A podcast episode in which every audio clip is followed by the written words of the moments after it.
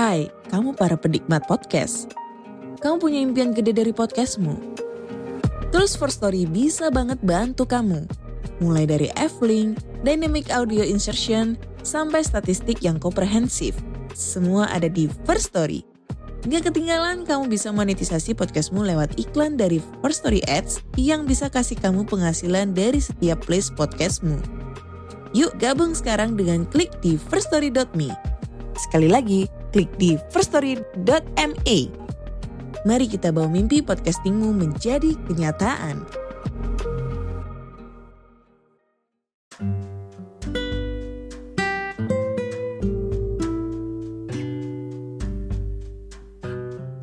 Halo, kembali lagi bersama saya Rinsha Mahendra, your book reader. Ini adalah segmen Al-Quran, di mana aku akan membacakan terjemahan Al-Quran. Dan ingin aku sampaikan lagi bahwa yang aku baca hanyalah terjemahannya dari bahasa Arab ke bahasa Indonesia. Jadi terjemahan bahasa Indonesianya. Tidak ada konteks, tidak ada tafsir, kalau membutuhkan konteks dan tafsir itu harus ngaji ya sehingga tidak tersesat kalau istilahku itu tersesat di dalam terang Oke so let's begin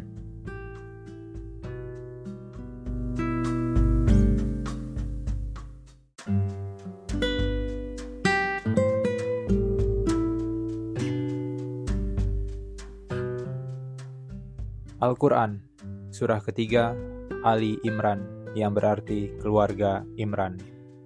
Ayat ke-1 sampai ke-92. Dengan menyebut nama Allah yang Maha Pengasih, Maha Penyayang. Keesaan dan kekuasaan Allah. Al-Quran dan kitab-kitab yang sebelumnya. Alif, Lam, Mim. Allah tidak ada Tuhan selain dia, yang maha hidup, yang terus-menerus mengurus makhluknya. Dia menurunkan kitab Al-Quran kepadamu Muhammad yang mengandung kebenaran, membenarkan kitab-kitab sebelumnya, dan menurunkan Taurat dan Injil. Sebelumnya, sebagai petunjuk bagi manusia dan dia menurunkan Al-Furqan. Sungguh, orang-orang yang ingkar terhadap ayat-ayat Allah akan memperoleh azab yang berat. Allah Maha Perkasa, lagi mempunyai hukuman. Bagi Allah tidak ada sesuatu pun yang tersembunyi di bumi dan di langit. Dialah yang membentuk kamu dalam rahim menurut yang dia kehendaki. Tidak ada Tuhan selain dia, yang maha perkasa, maha bijaksana. Dialah yang menurunkan kitab Al-Quran kepadamu Muhammad. Di antaranya ada ayat-ayat yang muhkamat. Itulah pokok-pokok kitab Al-Quran. Dan yang lain mutasyabihat Adapun orang-orang yang dalam hatinya condong pada kesesatan, mereka mengikuti yang mutasyabihat untuk mencari-cari fitnah dan untuk mencari-cari takwilnya. Padahal tidak ada yang mengetahui takwilnya kecuali Allah. Dan orang-orang yang ilmunya mendalam berkata, kami beriman kepada Al-Quran, semuanya dari sisi Tuhan kami. Tidak ada yang dapat mengambil pelajaran kecuali orang yang berakal. Mereka berdoa, Ya Tuhan kami, Janganlah engkau condongkan hati kami kepada kesesatan setelah engkau berikan petunjuk kepada kami, dan karuniakanlah kepada kami rahmat dari sisimu. Sesungguhnya engkau maha pemberi. Ya Tuhan kami, engkaulah yang mengumpulkan manusia pada hari yang tidak ada keraguan padanya. Sungguh, Allah tidak menyalahi janji. Sesungguhnya, orang-orang yang kafir bagi mereka tidak akan berguna sedikit pun harta benda dan anak-anak mereka terhadap azab Allah, dan mereka itu menjadi bahan bakar api neraka. Keadaan mereka seperti keadaan pengikut Firaun dan orang-orang sebelum mereka. Mereka mendustakan ayat-ayat kami, maka Allah menyiksa mereka disebabkan dosa-dosanya. Allah sangat berat hukumannya. Katakanlah Muhammad kepada orang-orang yang kafir, kamu pasti akan dikalahkan dan digiring ke dalam neraka jahanam, dan itulah seburuk-buruk tempat tinggal. Sungguh telah ada tanda bagi kamu pada dua golongan yang berhadap-hadapan, satu golongan berperang di jalan Allah, dan yang lain golongan kafir. yang melihat dengan mata kepala bahwa mereka, golongan muslimin, dua kali lipat mereka. Allah menguatkan dengan pertolongannya bagi siapa yang dia hendaki. Sungguh, pada yang demikian itu terdapat pelajaran bagi orang-orang yang mempunyai penglihatan. Dijadikan terasa indah dalam pandangan manusia, cinta terhadap apa yang diinginkan, berupa perempuan-perempuan, anak-anak, harta benda yang bertumpuk dalam bentuk emas dan perak, kuda pilihan, hewan ternak, dan sawah ladang. Itulah kesenangan hidup di dunia, dan di sisi Allah lah tempat kembali yang baik. Katakanlah, maukah aku kabarkan kepadamu apa yang lebih baik dari yang demikian itu? Bagi orang-orang yang bertakwa, tersedia di sisi Tuhan mereka surga-surga yang mengalir di bawahnya sungai-sungai. Mereka kekal di dalamnya dan pasangan-pasangan yang suci, serta ridho Allah dan Allah maha melihat hamba-hambanya. Yaitu orang-orang yang berdoa, Ya Tuhan kami, kami benar-benar beriman, maka ampunilah dosa-dosa kami, dan lindungilah kami dari azab neraka. Juga orang yang sabar, orang yang benar, orang yang taat, orang yang menginfakkan hartanya, dan orang yang memohon ampunan pada waktu sebelum fajar. Allah menyatakan bahwa tidak ada Tuhan selain Dia, Demikian pula para malaikat dan orang berilmu yang menegakkan keadilan. Tidak ada Tuhan selain Dia yang Maha Perkasa, Maha Bijaksana. Sesungguhnya, agama di sisi Allah ialah Islam, tidaklah berselisih orang-orang yang telah diberi kitab, kecuali setelah mereka memperoleh ilmu, karena kedengkian di antara mereka. Barang siapa ingkar terhadap ayat-ayat Allah, maka sungguh Allah sangat cepat perhitungannya. Kemudian jika mereka membantah engkau Muhammad, katakanlah, aku berserah diri kepada Allah, dan demikian pula orang-orang yang mengikutiku. Dan katakanlah kepada orang-orang yang telah diberi kitab dan kepada orang-orang buta huruf, Sudahkah kamu masuk Islam? Jika mereka masuk Islam, berarti mereka telah mendapat petunjuk. Tetapi jika mereka berpaling, maka kewajibanmu hanyalah menyampaikan, dan Allah maha melihat hamba-hambanya. Sesungguhnya, orang-orang yang mengingkari ayat-ayat Allah dan membunuh para nabi tanpa hak alasan yang benar, dan membunuh orang-orang yang menyuruh manusia berbuat adil, sampaikanlah kepada mereka kabar gembira, yaitu azab yang pedih. Mereka itulah orang-orang yang sia-sia pekerjaannya di dunia dan di akhirat, dan mereka tidak memperoleh penolong. Tidakkah engkau memperhatikan orang-orang yang telah diberi bagian kitab Taurat mereka diajak berpegang pada kitab Allah untuk memutuskan perkara di antara mereka. Kemudian sebagian dari mereka berpaling seraya menolak kebenaran. Hal itu adalah karena mereka berkata, api neraka tidak akan menyentuh kami kecuali beberapa hari saja. Mereka terperdaya dalam agama mereka oleh apa yang mereka ada-adakan. Bagaimana jika nanti mereka kami kumpulkan pada hari kiamat yang tidak diragukan terjadinya dan kepada setiap jiwa diberi balasan yang sempurna sesuai dengan apa yang telah dikerjakannya dan mereka tidak dizolimi atau dirugikan. Katakanlah Muhammad, Wahai Tuhan, pemilik kekuasaan, Engkau berikan kekuasaan kepada siapa pun yang Engkau kehendaki, dan Engkau cabut kekuasaan dari siapa pun yang Engkau kehendaki. Engkau muliakan siapa pun yang Engkau kehendaki, dan Engkau hinakan siapa pun yang Engkau kehendaki di tangan engkaulah segala kebajikan. Sungguh, engkau maha kuasa atas segala sesuatu. Engkau masukkan malam ke dalam siang dan engkau masukkan siang ke dalam malam dan engkau keluarkan yang hidup dari yang mati dan engkau keluarkan yang mati dari yang hidup dan engkau berikan rezeki kepada siapa yang engkau hendaki tanpa perhitungan. Janganlah orang-orang beriman menjadikan orang kafir sebagai pemimpin melainkan orang-orang beriman. Barang siapa berbuat demikian, niscaya dia tidak akan memperoleh apa pun dari Allah, kecuali karena siasat menjaga diri dari sesuatu yang kamu takuti dari mereka. Dan Allah memperingatkan kamu akan diri, siksanya, dan hanya kepada Allah tempat kembali. Katakanlah, jika kamu sembunyikan apa yang ada dalam hatimu atau kamu nyatakan, Allah pasti mengetahuinya dia mengetahui apa yang ada di langit dan apa yang ada di bumi. Allah Maha Kuasa atas segala sesuatu. Ingatlah pada hari ketika setiap jiwa mendapatkan balasan atas kebajikan yang telah dikerjakan dihadapkan kepadanya. Begitu juga balasan atas kejahatan yang telah dia kerjakan. Dia berharap sekiranya ada jarak yang jauh antara dia dengan hari itu, dan Allah memperingatkan kamu akan diri siksanya. Allah maha penyayang terhadap hamba-hambanya. Katakanlah Muhammad, jika kamu mencintai Allah, ikutilah aku Niscaya Allah mencintaimu dan mengampuni dosa-dosamu. Allah Maha Pengampun, Maha Penyayang. Katakanlah Muhammad, taatilah Allah dan Rasul. Jika kamu berpaling, ketahuilah bahwa Allah tidak menyukai orang-orang kafir. Keluarga Imran Sesungguhnya Allah telah memilih Adam, Nuh, keluarga Ibrahim, dan keluarga Imran melebihi segala umat pada masa masing-masing. Sebagai satu keturunan, sebagiannya adalah keturunan dari sebagian yang lain. Allah Maha Mendengar, Maha Mengetahui. Ingatlah ketika istri Imran berkata, "Ya Tuhanku, sesungguhnya aku bernazar kepadamu. Apa janin yang dalam kandunganku lelak kelak menjadi hamba yang mengabdi kepadamu, maka terimalah nazar itu dariku. Sungguh, engkaulah yang maha mendengar, maha mengetahui.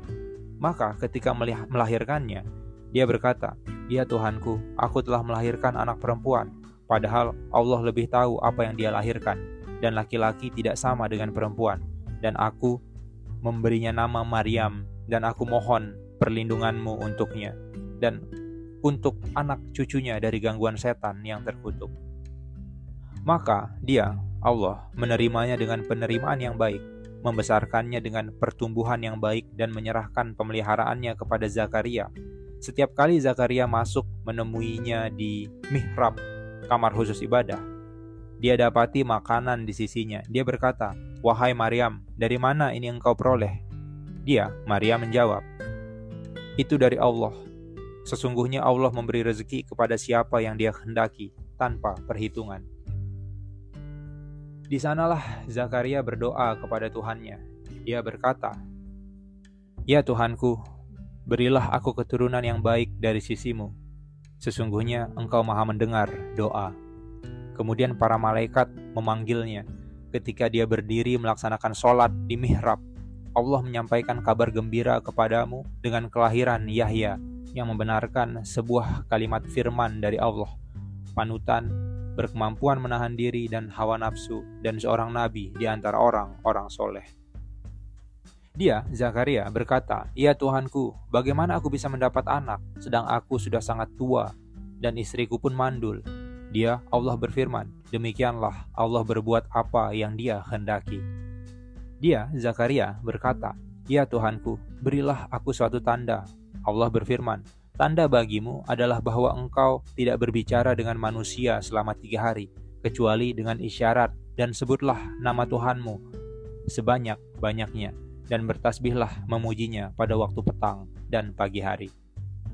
Dan ingatlah ketika para malaikat berkata, Wahai Maryam, sesungguhnya Allah telah memilihmu, menyucikanmu dan melebihkanmu di atas segala perempuan di seluruh alam pada masa itu. Wahai Maryam, taatilah Tuhanmu, sujud dan rukuklah bersama orang-orang yang ruku.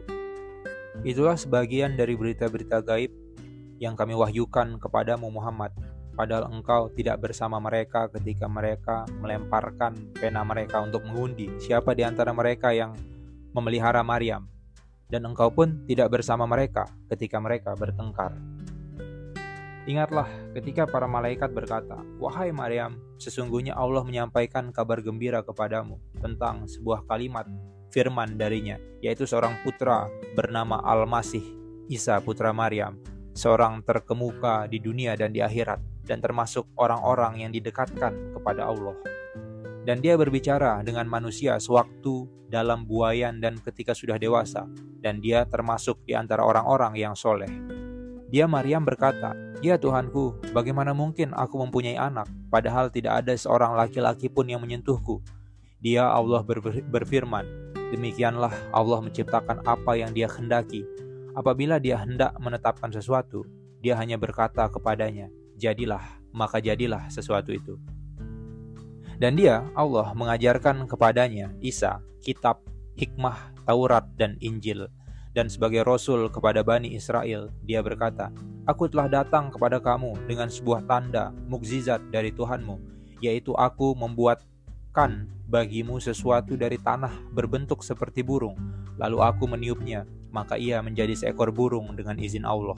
Dan aku menyembuhkan orang yang buta sejak dari lahir, dan orang yang berpenyakit kusta, dan aku menghidupkan orang mati dengan izin Allah, dan aku beritahukan kepadamu apa yang kamu makan dan apa yang kamu simpan di rumahmu. Sesungguhnya pada yang demikian itu terdapat suatu tanda kebenaran kerasulanku bagimu, jika kamu orang yang beriman. Dan sebagai seorang yang membenarkan Taurat yang datang sebelumku, dan agar aku menghalalkan bagi kamu sebagian dari yang telah diharamkan untukmu, dan aku datang kepadamu membawa suatu tanda mukjizat dari Tuhanmu. Karena itu, bertakwalah kepada Allah dan taatlah kepadaku. Sesungguhnya, Allah itu Tuhanku dan Tuhanmu. Karena itu sembahlah dia. Inilah jalan yang lurus. Maka ketika Isa merasakan keingkaran mereka, Bani Israel, dia berkata, Siapakah yang akan menjadi penolongku untuk menegakkan agama Allah? Para Hawariyun, sahabat setianya, menjawab, Kamilah penolong agama Allah, kami beriman kepada Allah dan saksikanlah bahwa kami adalah orang-orang Muslim. Ya Tuhan kami, kami telah beriman kepada apa yang Engkau turunkan, dan kami telah mengikuti Rasul. Karena itu, tetapkanlah kami bersama golongan orang yang memberikan kesaksian, dan mereka, orang-orang kafir, membuat tipu daya. Maka Allah pun membalas tipu daya, dan Allah sebaik-baik pembalas tipu daya. Ingatlah ketika Allah berfirman, Wahai Isa, aku mengambilmu dan mengangkatmu kepadaku, serta menyucikan dari orang-orang yang kafir, dan menjadikan orang-orang yang mengikutimu di atas orang-orang yang kafir, hingga hari kiamat. Kemudian kepadaku engkau kembali, lalu aku beri keputusan tentang apa yang kamu perselisihkan. Maka, adapun orang-orang yang kafir, akan aku azab mereka dengan azab yang sangat keras di dunia dan di akhirat, sedang mereka tidak memperoleh penolong. Dan adapun orang-orang yang beriman dan melakukan kebajikan, maka dia akan memberikan pahala kepada mereka dengan sempurna dan Allah tidak menyukai orang yang zolim. Demikianlah kami bacakan kepadamu Muhammad sebagai ayat-ayat dan peringatan yang penuh hikmah. Sesungguhnya perumpamaan penciptaan Isa bagi Allah seperti penciptaan Adam. Dia menciptakannya dari tanah, kemudian dia berkata kepadanya, "Jadilah." Maka jadilah sesuatu itu. Kebenaran itu dari Tuhanmu, karena itu janganlah engkau, Muhammad, termasuk orang-orang yang ragu. Siapa yang membantahmu dalam hal ini setelah engkau memperoleh ilmu, katakanlah Muhammad, marilah kita panggil anak-anak kami dan anak-anak kamu, istri-istri kami dan istri-istri kamu, kami sendiri dan kamu juga. Kemudian marilah kita bermubahalah agar laknat Allah ditimpakan kepada orang-orang yang dusta. Sungguh, inilah kisah yang benar. Tidak ada Tuhan selain Allah dan sungguh Allah Maha Perkasa, Maha Bijaksana. Kemudian, jika mereka berpaling, maka ketahuilah bahwa Allah Maha mengetahui orang-orang yang berbuat kerusakan. Katakanlah Muhammad, wahai ahli kitab, marilah kita menuju kepada satu kalimat pegangan yang sama antara kami dan kamu, bahwa kita tidak menyembah selain Allah dan kita tidak mempersekutukannya dengan sesuatu pun dan bahwa kita tidak menjadikan satu sama lain Tuhan-Tuhan selain Allah. Jika mereka berpaling, maka katakanlah kepada mereka, saksikanlah bahwa kami adalah orang Muslim. Wahai ahli kitab, mengapa kamu berbantah-bantahan tentang Ibrahim padahal Taurat dan Injil diturunkan setelah dia? Apakah kamu tidak mengerti? Begitulah kamu, kamu berbantah-bantahan tentang apa yang kamu ketahui. Tetapi mengapa kamu berbantah-bantahan juga tentang apa yang tidak kamu ketahui? Allah mengetahui sedangkan kamu tidak mengetahui. Ibrahim bukanlah seorang Yahudi dan bukan pula seorang Nasrani, tetapi dia adalah seorang yang lurus, Muslim dan dia tidaklah termasuk orang-orang musyrik. Orang yang paling dekat kepada Ibrahim ialah orang yang mengikutinya dan Nabi ini, Muhammad, dan orang yang beriman Allah adalah pelindung orang-orang yang beriman. Segolongan ahli kitab ingin menyesatkan kamu, padahal sesungguhnya mereka tidak menyesatkan, melainkan diri mereka sendiri, tetapi mereka tidak menyadari. Wahai ahli kitab, mengapa kamu mengingkari ayat-ayat Allah padahal kamu mengetahui kebenarannya? Wahai ahli kitab, mengapa kamu mencampur adukkan kebenaran dengan kebatilan dan kamu menyembunyikan kebenaran padahal kamu mengetahui? Dan segolongan ahli kitab berkata kepada sesamanya, Berimanlah kamu kepada apa yang diturunkan kepada orang-orang beriman pada awal siang dan ingkarilah di akhirnya agar mereka kembali kepada kekafiran. Dan janganlah kamu percaya selain kepada orang yang mengikuti agamamu. Katakanlah Muhammad, sesungguhnya petunjuk itu hanyalah petunjuk Allah. Janganlah kamu percaya bahwa seseorang akan diberi seperti apa yang diberikan kepada kamu, atau bahwa mereka akan menyanggah kamu di hadapan Tuhanmu. Katakanlah Muhammad, sesungguhnya karunia itu di tangan Allah dan memberikannya kepada siapa yang dia hendaki. Allah Maha Luas, Maha Mengetahui. Dia menentukan rahmatnya kepada siapa yang dia kehendaki dan Allah maha memiliki karunia yang besar. Dan di antara ahli kitab, ada yang jika engkau percayakan kepadanya harta yang banyak, niscaya dia mengembalikannya kepadamu. Tetapi ada pula di antara mereka yang jika engkau percayakan kepadanya satu dinar, dia tidak mengembalikannya kepadamu, kecuali jika engkau selalu menagihnya. Yang demikian itu disebabkan mereka berkata, tidak ada dosa bagi kami terhadap orang-orang buta huruf. Mereka mengatakan hal yang dusta terhadap Allah, padahal mereka mengetahui. Sebenarnya, barang siapa yang menepati janji dan bertakwa, maka sungguh Allah mencintai orang-orang yang bertakwa. Sesungguhnya, orang-orang yang memperjualbelikan janji Allah dan sumpah-sumpah mereka dengan harga murah, mereka itu tidak memperoleh bagian di akhirat. Allah tidak akan menyapa mereka, tidak akan memperhatikan mereka pada hari kiamat, dan tidak akan menyucikan mereka bagi mereka azab yang pedih. Dan sungguh di antara mereka niscaya ada segolongan yang memutar balikkan lidahnya membaca kitab agar kamu menyangka yang mereka baca itu sebagian dari kitab. Padahal itu bukanlah dari kitab. Dan mereka berkata itu dari Allah. Padahal itu bukan dari Allah. Mereka mengatakan hal yang dusta terhadap Allah padahal mereka mengetahui. Tidak mungkin bagi seseorang yang telah diberi kitab oleh Allah serta hikmah dan kenabian, kemudian dia berkata kepada manusia, "Jadilah kamu penyembahku, bukan penyembah Allah." Tetapi dia berkata, "Jadilah kamu pengabdi-pengabdi Allah, karena kamu mengajarkan kitab dan karena kamu mempelajarinya." Dan tidak mungkin pula baginya menyuruh kamu menjadikan para malaikat dan para nabi sebagai Tuhan. Apakah patut dia menyuruh kamu menjadi kafir setelah kamu menjadi Muslim? Dan ingatlah ketika Allah mengambil perjanjian dari para nabi, manakala aku memberikan kitab dan hikmah kepadamu, lalu datang kepada kamu seorang rasul yang membenarkan apa yang ada padamu, niscaya kamu akan sungguh-sungguh beriman kepadanya dan menolongnya. Allah berfirman, Apakah kamu setuju dan menerima perjanjian denganku atas yang demikian itu? Mereka menjawab, kami setuju. Allah berfirman, kalau begitu, bersaksilah kamu pada nabi dan aku menjadi saksi bersama kamu. Maka barang siapa yang berpaling setelah itu, maka mereka itulah orang yang fasik. Maka, mengapa mereka mencari agama yang lain selain agama Allah, padahal apa yang ada di langit dan di bumi berserah diri kepadanya, baik dengan suka maupun terpaksa, dan hanya kepadanya mereka dikembalikan? Katakanlah Muhammad, kami beriman kepada Allah dan kepada apa yang diturunkan kepada kami dan yang diturunkan kepada Ibrahim, Ismail, Ishak, Yakub dan anak cucunya dan apa yang diberikan kepada Musa, Isa dan para nabi dari Tuhan mereka.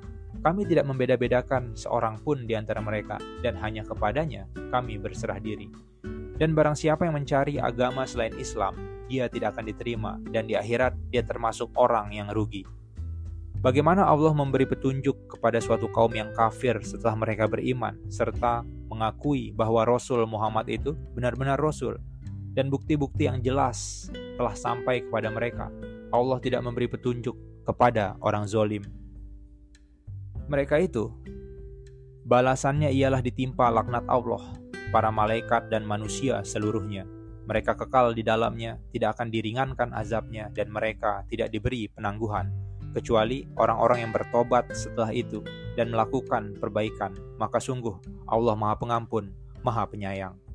Sungguh Orang-orang yang kafir setelah beriman kemudian bertambah kekafirannya tidak akan diterima tobatnya dan mereka itulah orang-orang yang sesat. Kamu tidak akan memperoleh kebajikan sebelum kamu menginfakkan sebagian harta yang kamu cintai dan apa pun yang kamu infakkan tentang hal itu sungguh Allah Maha mengetahui. Sekian, see you on next episode. Bye.